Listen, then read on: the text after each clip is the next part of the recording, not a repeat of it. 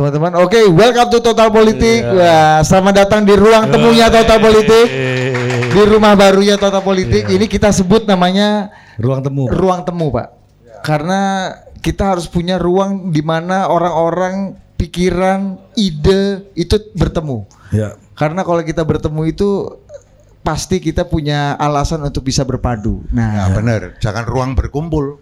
Betul. Kumpul dan bertemu beda. Beda. Apa bedanya, Pak? Ya beda dong. Kalau kumpul-kumpul gini kan nggak ada yang ditemukan. Oh. Oh. Nah ini temu itu seperti tadi benar. Nah, Jadi gimana, contoh. gimana Korea-Korea ini punya kantor kayak gini udah pantas belum, Pak? Ini, Pak? Boleh minta kopi tiga ya, Iya, kopi tiga, tiga dan kopi air putih tiga. Iya. Iya. Tidak sekalian. Kalau Sekalian. pertanyaan kayak gini ini ilmu kehidupan. Iya. Berarti yang bersangkutan minta dipuji. minta disanjung. Udah kode, kode. Nah kalau sudah minta disanjung janganlah kau bikin tidak disanjung. Sanjunglah dia. Wah kan gitu. Ini adalah hal yang sangat menurut saya hebat sekali ini. Kasih- kasih Dibanding waktu di mana? Wijaya, Wijaya. Di Wijaya itu ini bagus sekali nih. Ini cocok untuk anak-anak muda. Di sana ada tempat diskusi, di situ ada tempat kongko, boleh ngerokok, hebat ini.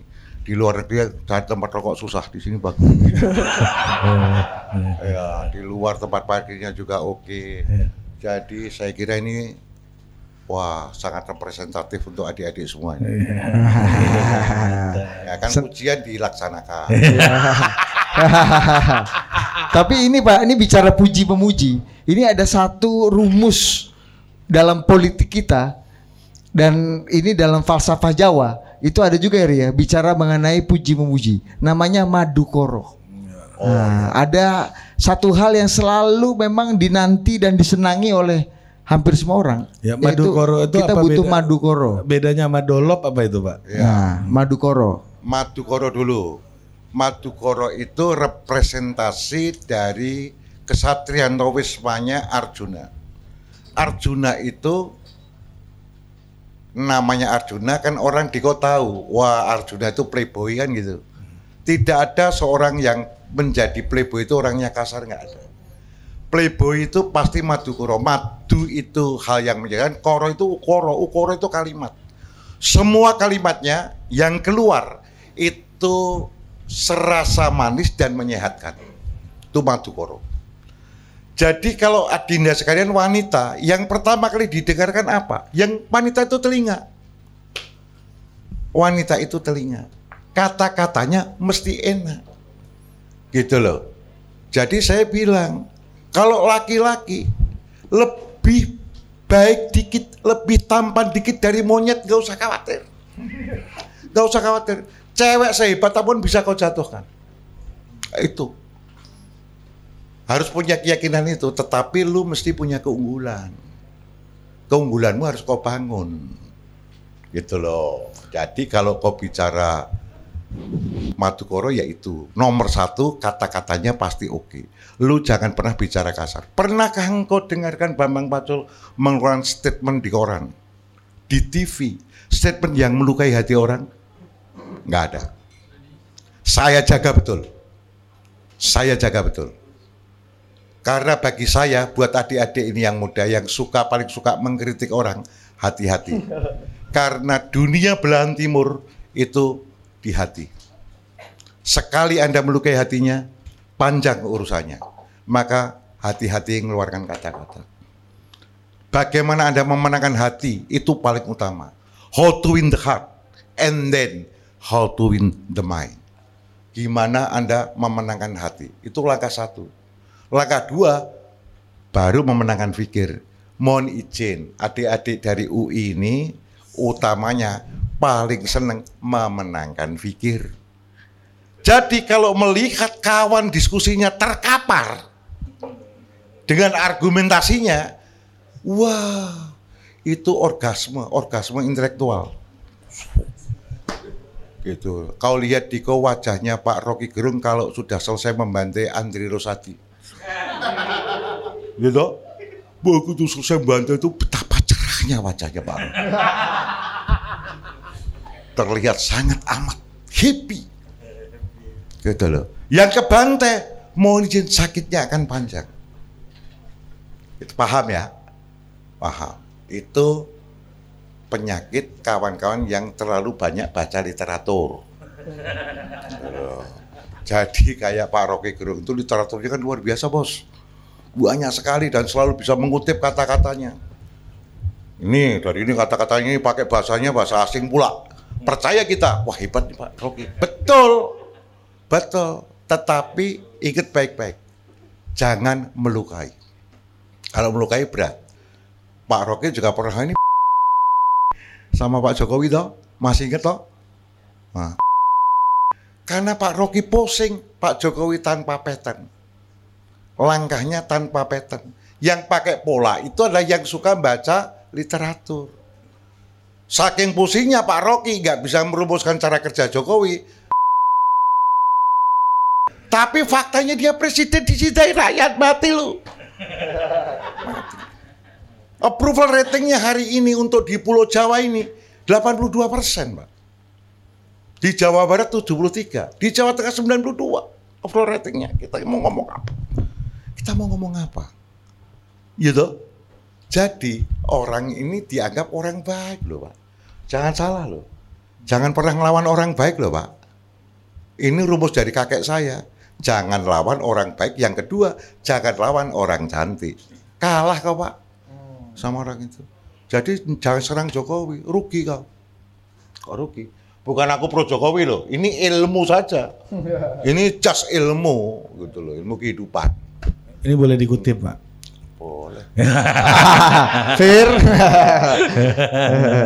ilmu kehidupan. Iya. Boleh sebagian orang mengatakan itu pengkhianat, tapi silahkan disurvei. Silahkan survei. Kalau nggak percaya sama saya, survei sendiri. Kalau nggak percaya. Nah itulah adinda sekalian, kalau diko bicara keluarkanlah kata-kata yang baik. Itu yang pertama Madukoro tadi. Yang kedua, ini tadi tanya ndolop. Ndolop itu apa? Ndolop itu Ndolop itu adalah orang memuji. Memuji, kalau mujinya jelek, susah Pak. Pujilah dengan satu fakta yang dipunya orang ini, kemudian kau bumbui dengan kata-kata berona. Untayan kata-katanya bagus, wah itu top. Top itu. Jadi ciptakan sedikit fakta, kasih lebih banyak fiksi, tewas. Nah, iya. Jadi gabungan antara fakta dan fiksi. Kalau muji nggak ada faktanya nggak nggak oh, nggak jelek, bisa jelek ya. boleh, nggak boleh. Kamu puji misalnya, waduh, mata tikau. Oh, ini pujian yang per, imper- yang personal. Itu mengerikan, Pak. Puji, aduh, mata tikau itu bikin tenggelam aku seolah mau masuk ke dalam ke dalam sana. Matamu sangat teduh. Ibarat laut yang dalam kayak lautan teduh. Biru. Kita masuk ke dalamnya. Seolah aku kau tarik ke dalamnya. Wah itu kan double itu. Itu kata-kata double itu. itu. Itu pasti double. Tapi saya pastikan wanita akan plak. Hatinya akan mengingat terus. Pulang dia akan lihat matanya di kaca. Oh iya. Percaya nggak? Ya. Kita jadi percaya Pak Pacul mudanya playboy ini. Ini soal jam terbang. Tapi kan sudah 67. Jadi meskipun nggak masuk akal itu tetap orang happy gitu pak. Happy. Dalam politik gitu juga nggak pak? Sama. Karena kita politisi juga manusia. Sama. Gitu loh. Oh sama aja. Di politik sama. Keluarkan kata-kata yang baik aja. Lalu jangan jangan banyak ngeritik. Jangan banyak ngeritik. Susah kan. Itu republik. Kenapa begitu Pak? Pokoknya belahan Indonesia Timur itu isinya itu rasa. Nggak percaya. Hari ini kalian makan apa? Kalau Barat cukup dengan bread sama daging, selesai. Sosis. Pak, kalau kau ke Jerman sana, ya minum bir sama sosis. Kan begitu. Cukup. Kalau di Indonesia belahan, ah, di dunia belahan timur, wah pakai bumbu-bumbu. Betul? Clear? Pakai bumbu-bumbu, bos. Jadi kata-kata pun harus. Gimana? Jangan lukas. Nah, itu ilmu kehidupan yang pertama. Pandai-pandailah engkau memberikan pujian. Tuh. Tapi jangan ngawur. Gitu loh, udah namanya jelek kau puji wah wajahmu hebat sekali. Wah, salah. Jangan ambil satu bagian dari wajah. Ambil satu fakta ya Pak ya. ambil satu fakta. Itu dieksploitasi. Itu dieksplor. Explore. Jangan dieksploitasi, dieksplor dengan kata-kata berona. Ya, eh, di politik banyak ya kejadian kayak gitu ya Pak. Biasa itu. Juara itu. Ya, Pak bukannya tadi kan harus jangan sakiti hati, jangan pakai kata-kata kasar, apalagi untuk orang yang banyak dicintai sama orang banyak. Ya. Tapi bukannya dalam politik itu harus saling adu gagasan, saling adu menjatuhkan. Bukan normalnya begitu Pak. Kritik gitu. Mengkritik. Kalau politisi di ruang sidang, dia politisi. Kritik kebijakannya dengan undang-undang. Fakta kayak gini, undang-undangnya ini. Bisa nggak? Boleh membuat mitra tercengkang boleh, tetapi pakailah undang-undang. Jangan personal. Kalau personal susah, jangan atas kebijakannya. Saya dulu dulu menjadi anggota DPR 2004 sampai dengan 2014 itu kami PDI di luar pemerintahan. Kami menjadi orang sekarang mengatakan oposisi. Kan begitu. Saya nggak pernah tuh jelekin Pak SBY. Tapi kebijakannya saya kritisi habis. Nggak bisa saya di Komisi 7.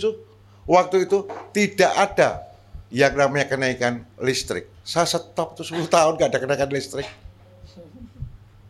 Gua kunci. Ada Undang-Undang Nomor 4, Undang-Undang Mineral dan Batu Bara, Undang-Undang Nomor 4 tahun 2009. Itu undang-undang sangat merah putih. Saya terlibat di dalamnya. Inisia, mengin, ikut menginisiasi. Salah satunya kewajiban smelter itu Pak ya, Oh, yang iya. sekarang kita kenal dengan Jadi hilirisasi itu udah waktu itu, bukan sekarang. Hilirisasi itu udah waktu itu. Hilirisasi itu idenya sudah pada saat 2004. Ketika kami meninjau Freeport. Jadi jangan kau anggap DPR itu bodoh-bodoh semua. Enggak. Itu jagoan-jagoan semua itu. Untuk masuk ke DPR itu. Wah susahnya ampun-ampun Adinda. Susah Dinda. Iya Dinda. Susah Dinda. Di sana Diko mau cari anak presiden ada. Bekas gubernur ada. Bekas menteri ada. Artis ada. Korea banyak. Iya toh. Jadi pasti punya keistimewaan kalau sampai ke Senayan. Jangan dikohinakan. Ya. Ini aku bagian dari ini. Wah ini orangnya kok kayak preman sekali. Tapi dia pasti punya keunggulan. Ya. Begitu. Master Ari dan Budi. Belain kawan-kawan ya Pak ya. Ah, Mau belain kawan-kawan di DPR itu Pak ya. iya dong. Ya. Bukan hanya belain. Aku cerita fakta. Fiksinya tak tambahi. Iya. Iya. Canggih ya Pak ya DPR itu ya. Lah, DPR itu di sana sayangnya karena banyaknya Korea itu mekanisme rapat tidak dijalankan. Pada kehormatan DPR itu dari mekanisme rapat. Tata beracara rapatnya ini clear dulu. 2004 ke 2014 itu tata beracaranya rapat clear. Begitu KMPKIH rusak. Itu aja kerusakan pertama dulu. Jadi dulu Diko boleh lihat loh, rekamannya ada loh, rapat-rapat dulu, kelas, kelas. loh. Gimana Pak? Gimana Pak? Ya adu argumentasinya itu jelas, kuat. Kita berargumen kuat. Jadi ya politisi begitu di Senayan sana. Mm-mm. Jadi apa yang kata? Waktu listrik nggak jadi naik tuh gimana dulu Pak? Wah itu panjang itu. Itu kan kebetulan kenaikan harga listrik itu tergantung DPR. Agak beda dengan BBM. Kalau BBM itu pemerintah. Tapi kalau listrik, undang-undangnya kan dibatalin tuh undang-undang nomor 3, 33. Pakai undang-undang nomor 16 kalau nggak salah, yang lama. Bacakan pasalnya, DPR nggak setuju, nggak bisa naik. DPR nggak setuju, nggak bisa naik. Kita tahan terus. Gitu loh. Jadi argumentasinya kita patahin terus. Sekarang subsidi semua dicabutin. Selesai. Ada subsidi. Nah aliran ka- adik-adik sekalian itu memang lebih hari ini kan lebih menyukai hal-hal yang sifatnya liberal toh. Yang sebenarnya individual itu. Nah, itulah kira-kira lapangannya. Nah, dulu itu Pak Pacul, kan banyak orang ya ini soal DPR ya. Banyak orang menyerang Mbak Puan gitu misalnya. Walaupun sekarang banyak yang suka akhirnya pada Mbak Puan kan karena sikapnya belakangan ini dan orang menganggap komunikasi politik Mbak Puan itu sangat baik belakangan ini. Nah, menurut Pak Pacul apa yang membuat orang tuh resistensi kepada Mbak Puan terutama juga ini membuat eh, orang juga resistensi kepada DPR sendiri gitu, publik gitu. Kalau kita lihat surveinya, Pak. Nah, ini pertanyaan yang sebenarnya susah dijawab. Karena jawabnya harus dengan survei. Iya. Kalau Diko misalnya nggak suka sama Mbak Puan, faktanya surveinya emang Mbak Puan nggak disukai. Tapi kalau kita tanya, apakah Diko pernah dilukai oleh Mbak Puan? Enggak. Apakah pernah duitmu diminta Mbak Puan? Enggak. Apakah engkau pernah dimarahi Mbak Puan? Enggak juga. Lalu apa yang buat kau? Apakah ada putusan Mbak Puan yang kau nggak suka? Enggak juga. Lalu apa? Sentimen negatif itu munculnya dari mana? Dari kan mana? gitu loh. Boleh agak dekat Pak mikrofonnya. Pak supaya di luar bisa dengar dulu Pak. Jadi sentimen negatif itu munculnya dari mana? Itu disurvei, dilakukan FGD. Kan gitu loh. Ada tiga. Waktu itu saya temukan. Satu, karena anak Bu Mega. Ini udah ternyata juga memberi kontribusi nih. Gitu loh. Kemudian yang kedua, sikap Mbak Puan. Itu loh. Kemudian yang ketiga, ya kalau menurut saya ini cemburu. Karena jabatan ketua DPR itu mereka nggak suka. Itu aja. Jadi apakah faktanya enggak? Itu persepsi yang terbangun. Maka di politik itu ada sebenarnya di marketing juga sama. Itu yang dikatakan Ulrich itu. Perception is much more important than reality. Jadi kau bangun persepsi dirimu. Sebagaimana misalnya Pak Jokowi membangun dirinya sebagai manusia yang sangat sederhana. Tanpa jam tangan, sepatu, ket, bajunya putih, dilinting. Kan begitu. Cukur rambutnya ya kayak kayak gitu terus. Maka dikenallah Pak Jokowi adalah seorang tokoh yang sederhana, jujur, dekat dengan rakyat. Perception. Itu persepsi yang terbangun. Diko lihat persepsi Bambang Pacul, preman itu. Kan gitu tuh. Ini wajahnya wajah preman.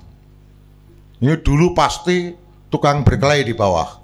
Apalagi ke- kalau kau baca sih bisa waduh wakil wakil ketua umum Lemkari wah bener nih tukang gelut nih. Kan begitu tuh. Wajahnya kelihatan sangar tapi ketika berdua Anda akan jatuh hati karena kata-kataku lembut. Ya. Sabar, penuh pengertian kan begitu bos. Ya.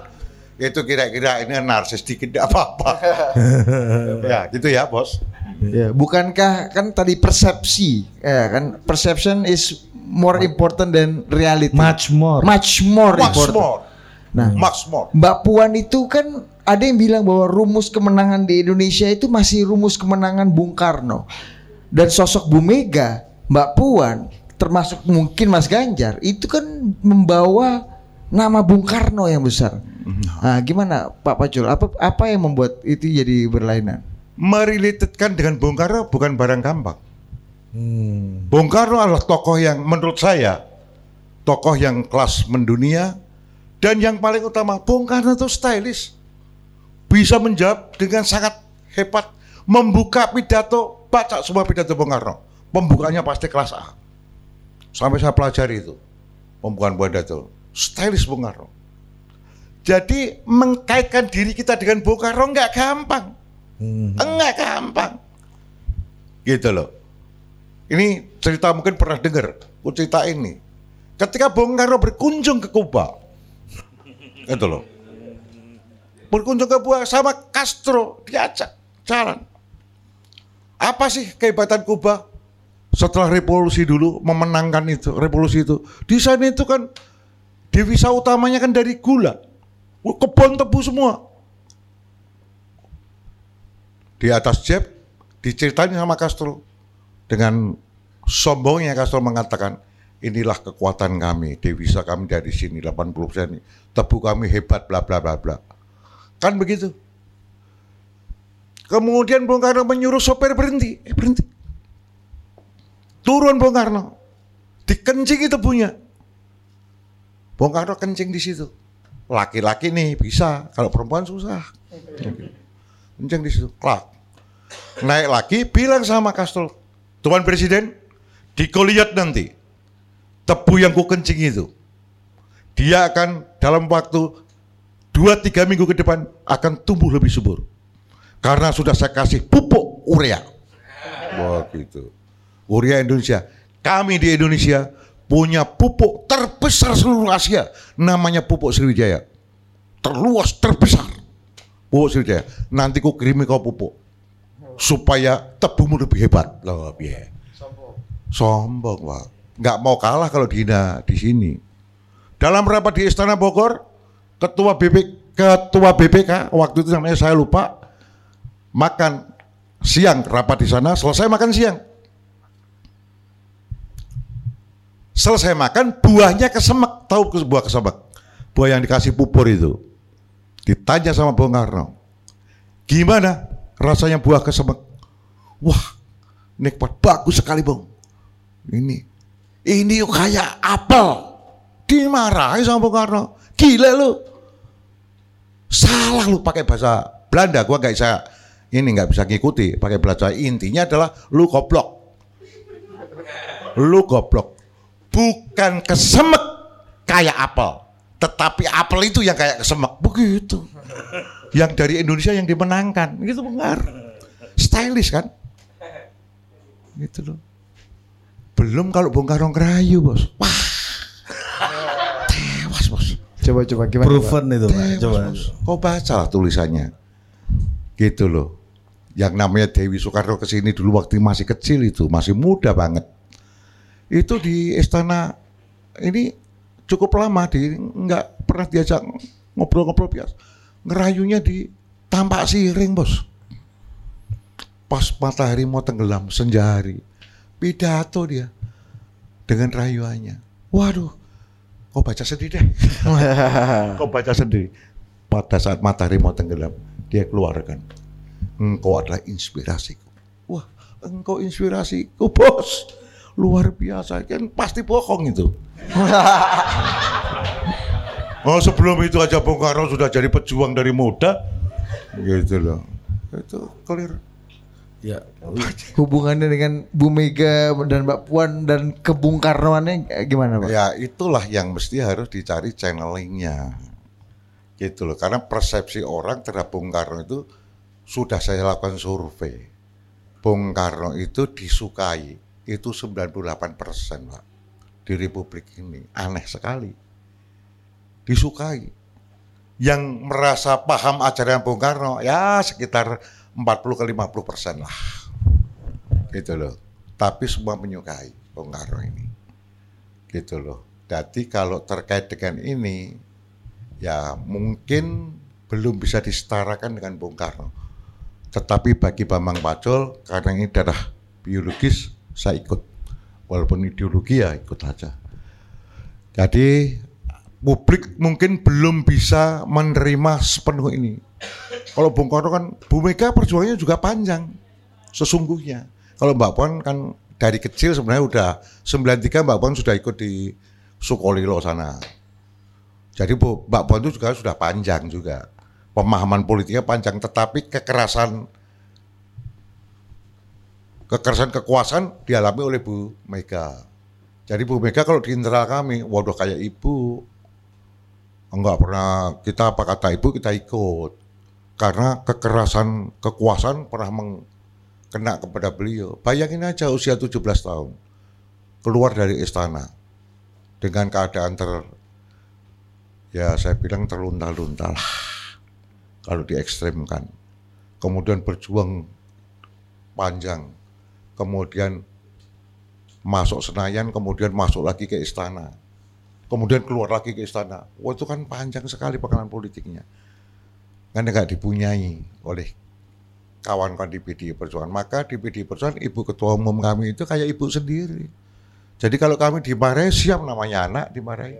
Tapi apakah sudah bisa disetarakan dengan Bung Karno? Publik yang menilai. Tapi kalau bagi kami sama aja. Termasuk Mbak Puan sama aja. Begitulah kira-kira perjalanannya. Jadi popularity Bung Karno 95 98 persen, 98 lebih tinggi dari Jokowi. lebih tinggi dari Jokowi. Mantap. Tingkat kesukaannya Jokowi kalah sama Bung Karno. Kalah sama Bung Karno. Gitu loh. Itu true story, Pak. True story. Kenapa Pak Paco memang melakukan survei? Saya survei kok. Bohong enggak. Bener. Hmm. Ada nggak datanya? Ada di rumahku ada. gitu loh. Kalau Diko lihat wah ini preman masa pakai survei-survei segala kan gitu.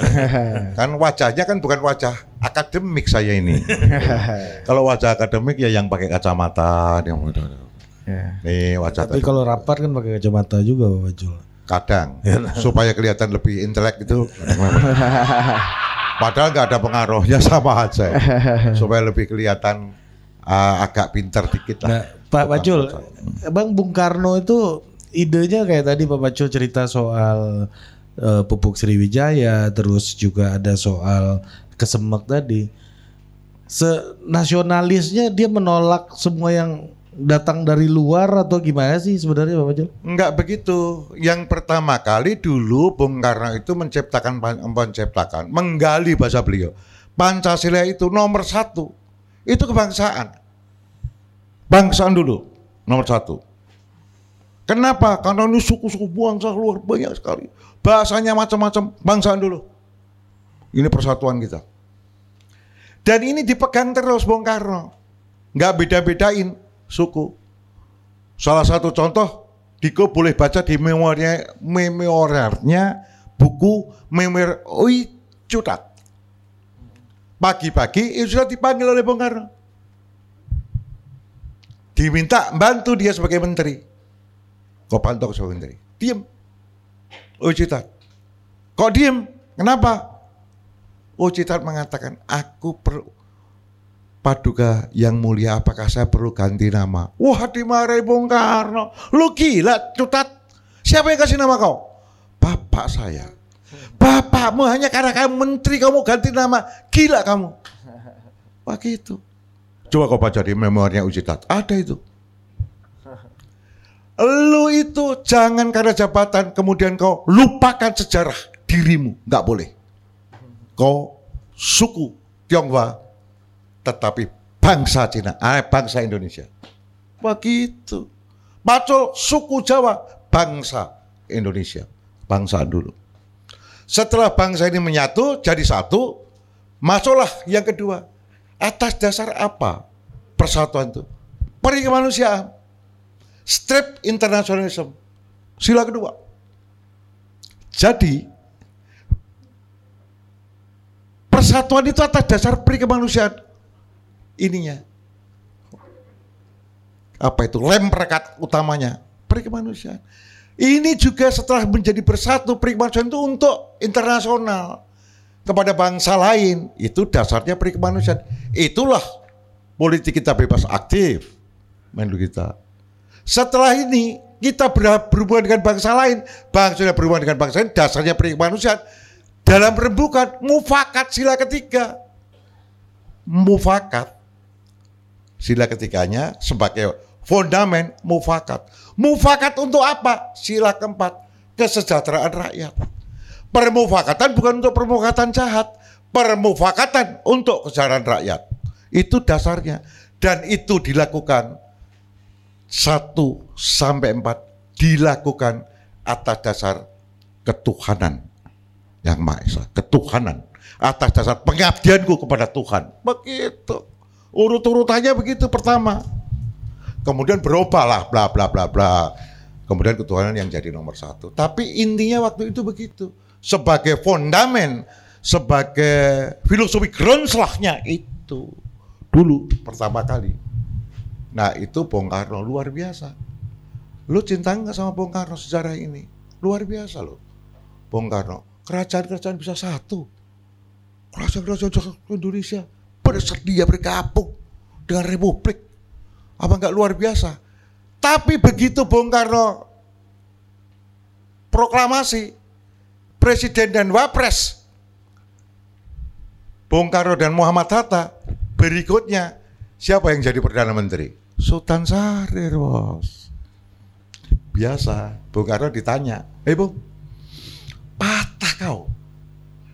Kau boleh jadi presiden penguasa politik sebenarnya Sultan Syahrir. Apa jawab Bung Karno? Politisi itu yang namanya kalau patah itu kayu. Politisi bukan kayu yang gampang patah. Politisi itu rotan yang terjadi nggak patah tapi hanya melengkung. Itu Bung Karno. Secerdas itu analoginya bos. Ngeri nggak lo? Gitu loh. Jadi kalau Korea meleng, melengkung aja pak. Melengkung, melenting. Korea masih ditambah. Bung Karno bukan Korea, ini Korea melengkung, melenting. Nah, gitu. Jadi nggak boleh Diko itu gampang patah, nggak usah patah. Ini Nggak mantap. boleh patah. Mantap juga diklat PDI kita malam ini ya. Sekolah partai. ya yang penting Diko jangan gampang patah. Jadi kalau di melengkung aja, kata Bung Karno melengkung, nanti kau melenting. nah, Gitu loh. iya. Kalau melenting, lu pakailah galah yang tepat. Iya. Itu aja. Apakah Korea ah, ini untuk masalah itu Pak patah tipe s- manusia seperti apa Pak yang gampang patah dan di mana keunggulan Korea Korea yang Pak Pacul sering katakan itu boleh sambil dibakar rokok juga Pak Ya boleh. Iya. Oke. Jadi kalau Diko itu orang yang hidupnya begitu lahir udah kaya, ini biasanya gampang patah. Maka rezim imperium bisnis pada generasi ketiga biasanya patah. Betul? Karena apa? Karena ketika lahir kita udah kaya raya. Gitu loh. Jadi kalau kau minta mau olahraga di sekolah, ambilkan sepatu, sepatuku, cat. Datang gidik gidik gidik. Sepatu. Cat, warnanya putih. Goblok, aku nggak mau yang putih, aku mau yang merah. Ambil. Perintah nggak jelas, tetapi orang harus berbolak balik. Itu kelemahan orang kaya. Itu orang kaya lemahnya. Jadi yang paling gampang patah siapa? Orang yang dari kecil ditimang-timang. Jadi kamu ketika punya anak nanti jangan kau timang-timang terus. Gitu loh. Kadang-kadang juga perlu dikasih kekerasan. Gitu loh. Jangan. Ini Budi sama Ari hari ini bisa membuat seperti ini. Saya pastikan dia bukan ketika kecil hidupnya enak sudah. Ini dulu orang susah. Gitu. Sampai hari ini kita lihat mohon izin yang di Sriwijaya itu Sriwijaya. Wijaya Wijaya. nggak pakai Sri Pak Sri Iya. Wijaya rumah Bu Fatmawati Iya, iya, iya, iya. Wijaya itu mohon izin kantornya kan mohon izin lah. Kalau ku katakan kumuh itu menghina. gitu loh. Jadi kalimatnya harus bagus gitu loh. Itu ya kalau untuk merokok dan kopi cocok agak pusing-pusing dikit setengah mabuk kan gitu. Nah ini ini bebas bersih semua. Mata perih Pak di situ Pak. Benar-benar hebat. Ini sebuah loncatan juga. Loh. Diko boleh, tapi loncatannya belum spektakuler. Loncatannya harus spektakuler. apa gimana Pak Karena ini Koreanya mungkin baru 40-50 persen belajar di kota panjang. Itulah kira-kira. Nah, bagaimana cara menentukan galah yang tepat untuk melenting ini Pak? Ya lu harus pelajari kalau mau lompat ke mana. Kalau Budi mau melompat ke mana? Lu mau jadi entrepreneur di sini atau lu ikut Putri Tanjung? Nah misalnya. Betul? Oh, iya. Hmm. Ah, kita nggak tahu lah gitu. Ya, Aku cuma dengar cita-citanya begitu. Ah, pilihlah galah yang tepat. Itu syaratnya bisa kamu bersama-sama dia lompat ke atas.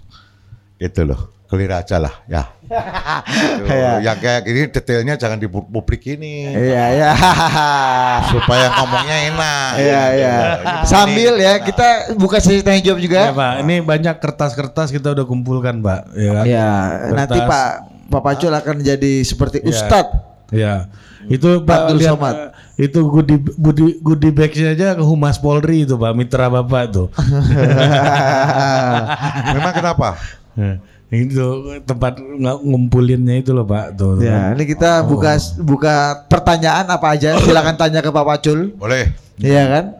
Nah, jadi, nah ini yang terakhir nih Orba nih Pak. Ya. Orba. Iya. Gimana Pak? Melawan Orba ini gimana caranya Pak? Apakah betul sudah kita masuk neo orba ini ya? Ini kan begini loh. Kalau ibu ini kan mengalami situasi waktu itu bagaimana kekuasaan menekan beliau. Jadi kalau ada kekuasaan yang menekan itu beliau ingat backman-nya akan keluar orbanya. Gitu loh. Itu harus dipahami melalui historicalnya. Wah ini enggak nih, nah, historicalnya kita beli ibu begitu, refleksnya pasti begitu, dan ibu refleks yang lawan pasti begitu. Itu refleks ketika waktu itu. Perjalanan sejarahnya ibu. 87, ibu kan masuk di ke Senayan. Menjadi 86, 87 masuk Senayan, 92 top.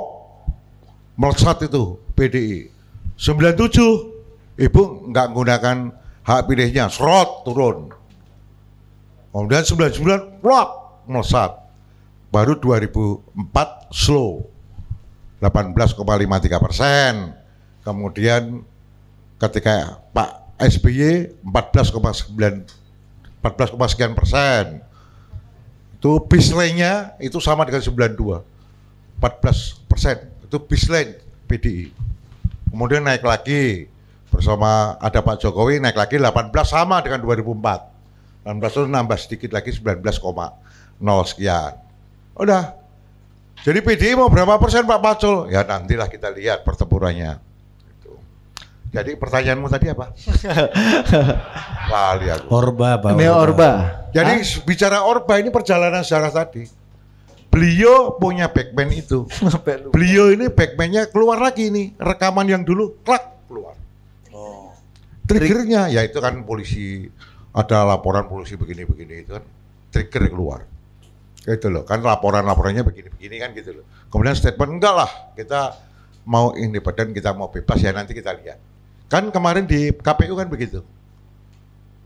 Kami akan menjadi pengawal apa itu keamanan dan ketertiban kita amankan.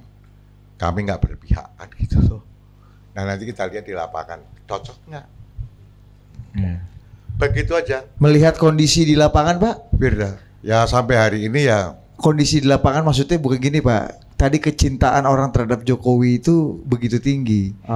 Sementara di sisi lain ada kemarahan, bahkan sebagian orang menyerukan kita harus revolusi lagi. Nah, prakondisi prakondisi prasyarat prasyarat revolusi atau people power lagi misalnya yang sempat diserukan oleh beberapa kawan-kawan kita juga gitu pak. Ampun. Pak Pacul gimana melihatnya pak? Begini Adinda sekalian, kau lihatlah perjalanan sejarah bangsa ini. Kapan people power atau revolusi terjadi atau gerakan massa terjadi. Itu gerakan massa di jelang 65. Apa yang terjadi kau baca sendiri. Setelah itu beberapa demonstrasi mulai dari Priok, kemudian Malari dan berakhir dengan 98. Kemudian apa yang terjadi? Belajarlah dengan baik. Belajar dengan baik. Kau coba pelajari revolusi-revolusi yang disebut revolusi itu apa? Yang kemarin kan revolusinya reformasi lah, bukan revolusi kan gitu. Nah, saya nggak bisa ngomong apa-apa ini. Kalau Diko nanti saya cerita sebenarnya kan susah kau. Gitu loh. Asal mau off the recordnya yang ini nih gimana? Nah, nih? ini nanti kita ngobrol aja dulu. Habibie itu berkuasa 517 hari. Menghasilkan undang-undang 54. Hebat sekali DPR-nya. Enggak, 54 eh 500 57 undang-undang, satu perpu referendum. Pelepasan Timur Timur akhirnya kan. Yang 57 undang-undang ini siapa yang bikin hebat sekali DPR-nya? Bisa mikir apa waktu itu DPR-nya? Enggak. Siapa yang bantu? National Democratic Institute. Ngantornya di Nusantara 3, Bos. Gitu Sia- loh. Siapa NDI ini Pak? National Democratic Institute itu kan ya lembaga yayasan yang dikelola oleh Partai Demokrat di Amerika loh. yang melakukan pendidikan-pendidikan politik ke mana-mana. Saya adalah salah satu murid NDI. Saya. Pak Sekjen itu sama. Jadi, produk NDI juga. Kita pernah berlatih juga di sana. NDI, NDI pak. Eh, NDI beda pak. Kalau ya, ini beda. Kalau saya bilang NDI, lah saya lidah saya lidah Indonesia. Ini NDI, NDI. Wah itu mentereknya gitu. Saya dulu juga karena Korea kuliah di Prastia Mulia, saya bilang itu dari bukunya Michael Porter. Bukan Michael Porter Pak Pacul. Michael Porter. Oh gitu ya. Iya, yang benar Michael Porter, bukan Michael Porter. Salah. Ah. Memang Michael Porter bisa ngomong Wijoyonoto Wijayaniti Sastro. Wijayaniti Sastro. Pasti nggak bisa lah. gitu. Jadi salah-salah dikit nggak apa-apa lah. Yang penting lu tahu, aku bilang. Oh. Begitu aja. Jadi global politics itu punya intervensi dong Pak. Itu nyata dong Pak. Atau gimana Pak? Perspektif Pak Pacul. Pilihan presiden Anda nggak bicara luar negeri. Oh, luar negeri kepentingan di sini banyak kok. Anda hanya bicara di situ nggak bisa dong bos. Nggak bisa dong. Luar negeri pasti punya kepentingan. Kalau enggak nggak ada dong perubahan garis politik. Nggak ada. Gitu loh. Jadi Diko menganggap ini orang bergerak antar orang Indonesia saya nggak percaya itu. Saya nggak percaya. Udahlah, yang ini nanti one day aja kita diskusi di sono. Udah itu pertanyaan-pertanyaan udah belum? Oke, nah kita Iya. Coba bacakan. Ya, ini dari Humas Polri nih Pak, ini kantongnya nih Pak kan. tuh.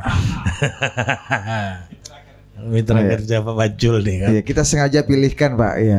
Tadinya mau Kemensos Pak, tapi kan bukan mitra kerja Bapak, kami ganti yang Polri aja Pak. Iya iya iya. Kalau Polri kan gampang keluar tas-tas gini. Banyak kegiatannya maksudnya. Iya kan sebagai mitra kan begitu. Ya, Ntar, yuk kita random. ya kita random. Oh tulisannya kecil-kecil nggak bisa baca kau. Iya. Nah ini, baca Din. Saya baca. Tadi kita dianjurkan untuk tidak melawan orang baik. Tapi gimana kalau posisinya berlawanan? Apa sih nih? tadi tadi kita tidak dianjurkan oh misalnya gini, orang baik orang baik itu ternyata lawan politik kita. Masa nggak dilawan? Adanya sekalian. Wah. Yang namanya dialektika itu kontradiksi selalu terjadi. Aksi reaksi, tesa antitesa, keluarnya sintesa. Kontradiksi pada level mana? Kalau kontradiksi kita hanya masalah-masalah kecil itu kontradiksi kecil biasa.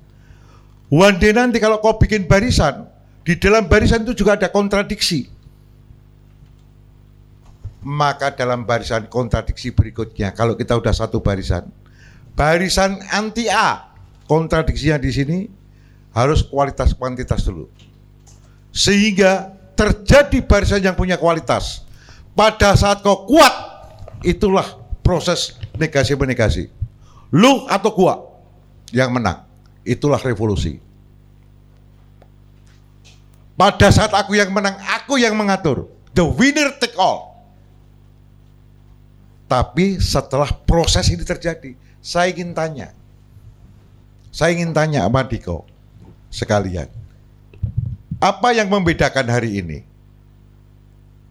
Yang terjadi konflik. Apakah itu konflik yang sudah pada tahap negasi-menegasi? Yang dipimpin oleh ide? Enggak. Enggak ada. Jadi pemilu ya udah kampanye aja, biasa-biasa aja, dengan gembira, dengan damai, sesama anak bangsa. Gitu aja. Gua nggak seneng sama dia ya sudah, gua bikin barisan yang nggak seneng sama dia tapi baik-baik saja. Ngapain saya harus seperti negasi menegasi? Nggak jelas yang dinegasi mau menegasi apa. Gitu loh. Kecuali, kecuali kau pimpin revolusi. Saya itu kemarin ngobrol sama salah satu anggota DPR RI PDI Perjuangan, dia minta revolusi. Anda ya Pak? Ada pak. Ada. Lu gila. Korea juga nggak tuh pak? Korea. ya minta revolusi siapa lagi nggak mungkin borjuis bos. Iya. Korea. Pasti Korea kan. Tuh, kalau Bung Karno ngajarkan kan harus melakukan saman bundeling van alle revolusi krachten intonasi. Artinya kita harus bersatu dalam seluruh elemen bangsa yang dipimpin bundeling seluruh elemen bangsa yang dipimpin oleh ide. Saman bundeling van alle revolusi krachten intonasi. Seluruh elemen-elemen revolusi ini jadi satu. Ini dibundeli dulu. Lah ini ada nggak? Mimpi revolusi hilangkan. Nggak ada revolusi, hilangkan. Itu loh. Itu pikiran-pikiran yang mohon izin lah. Sudah susah dibangun di Republik ini. Nggak, nggak perlu lagi.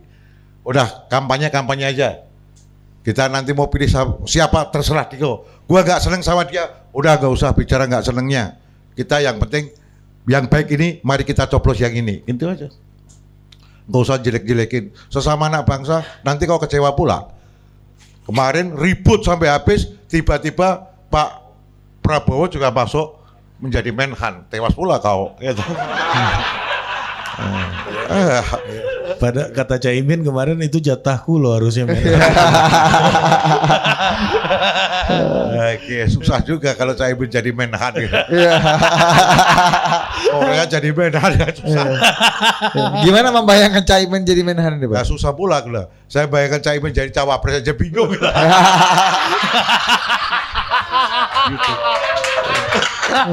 Saya ngomong jujur aja. Kita kan kenal di Jogja sana dulu. Ini kan pasukan Jogja. Iya. Imin itu PMI itu dulu. Juniornya Bapak Cul ya. Jauh junior saja. Korea. Korea lah.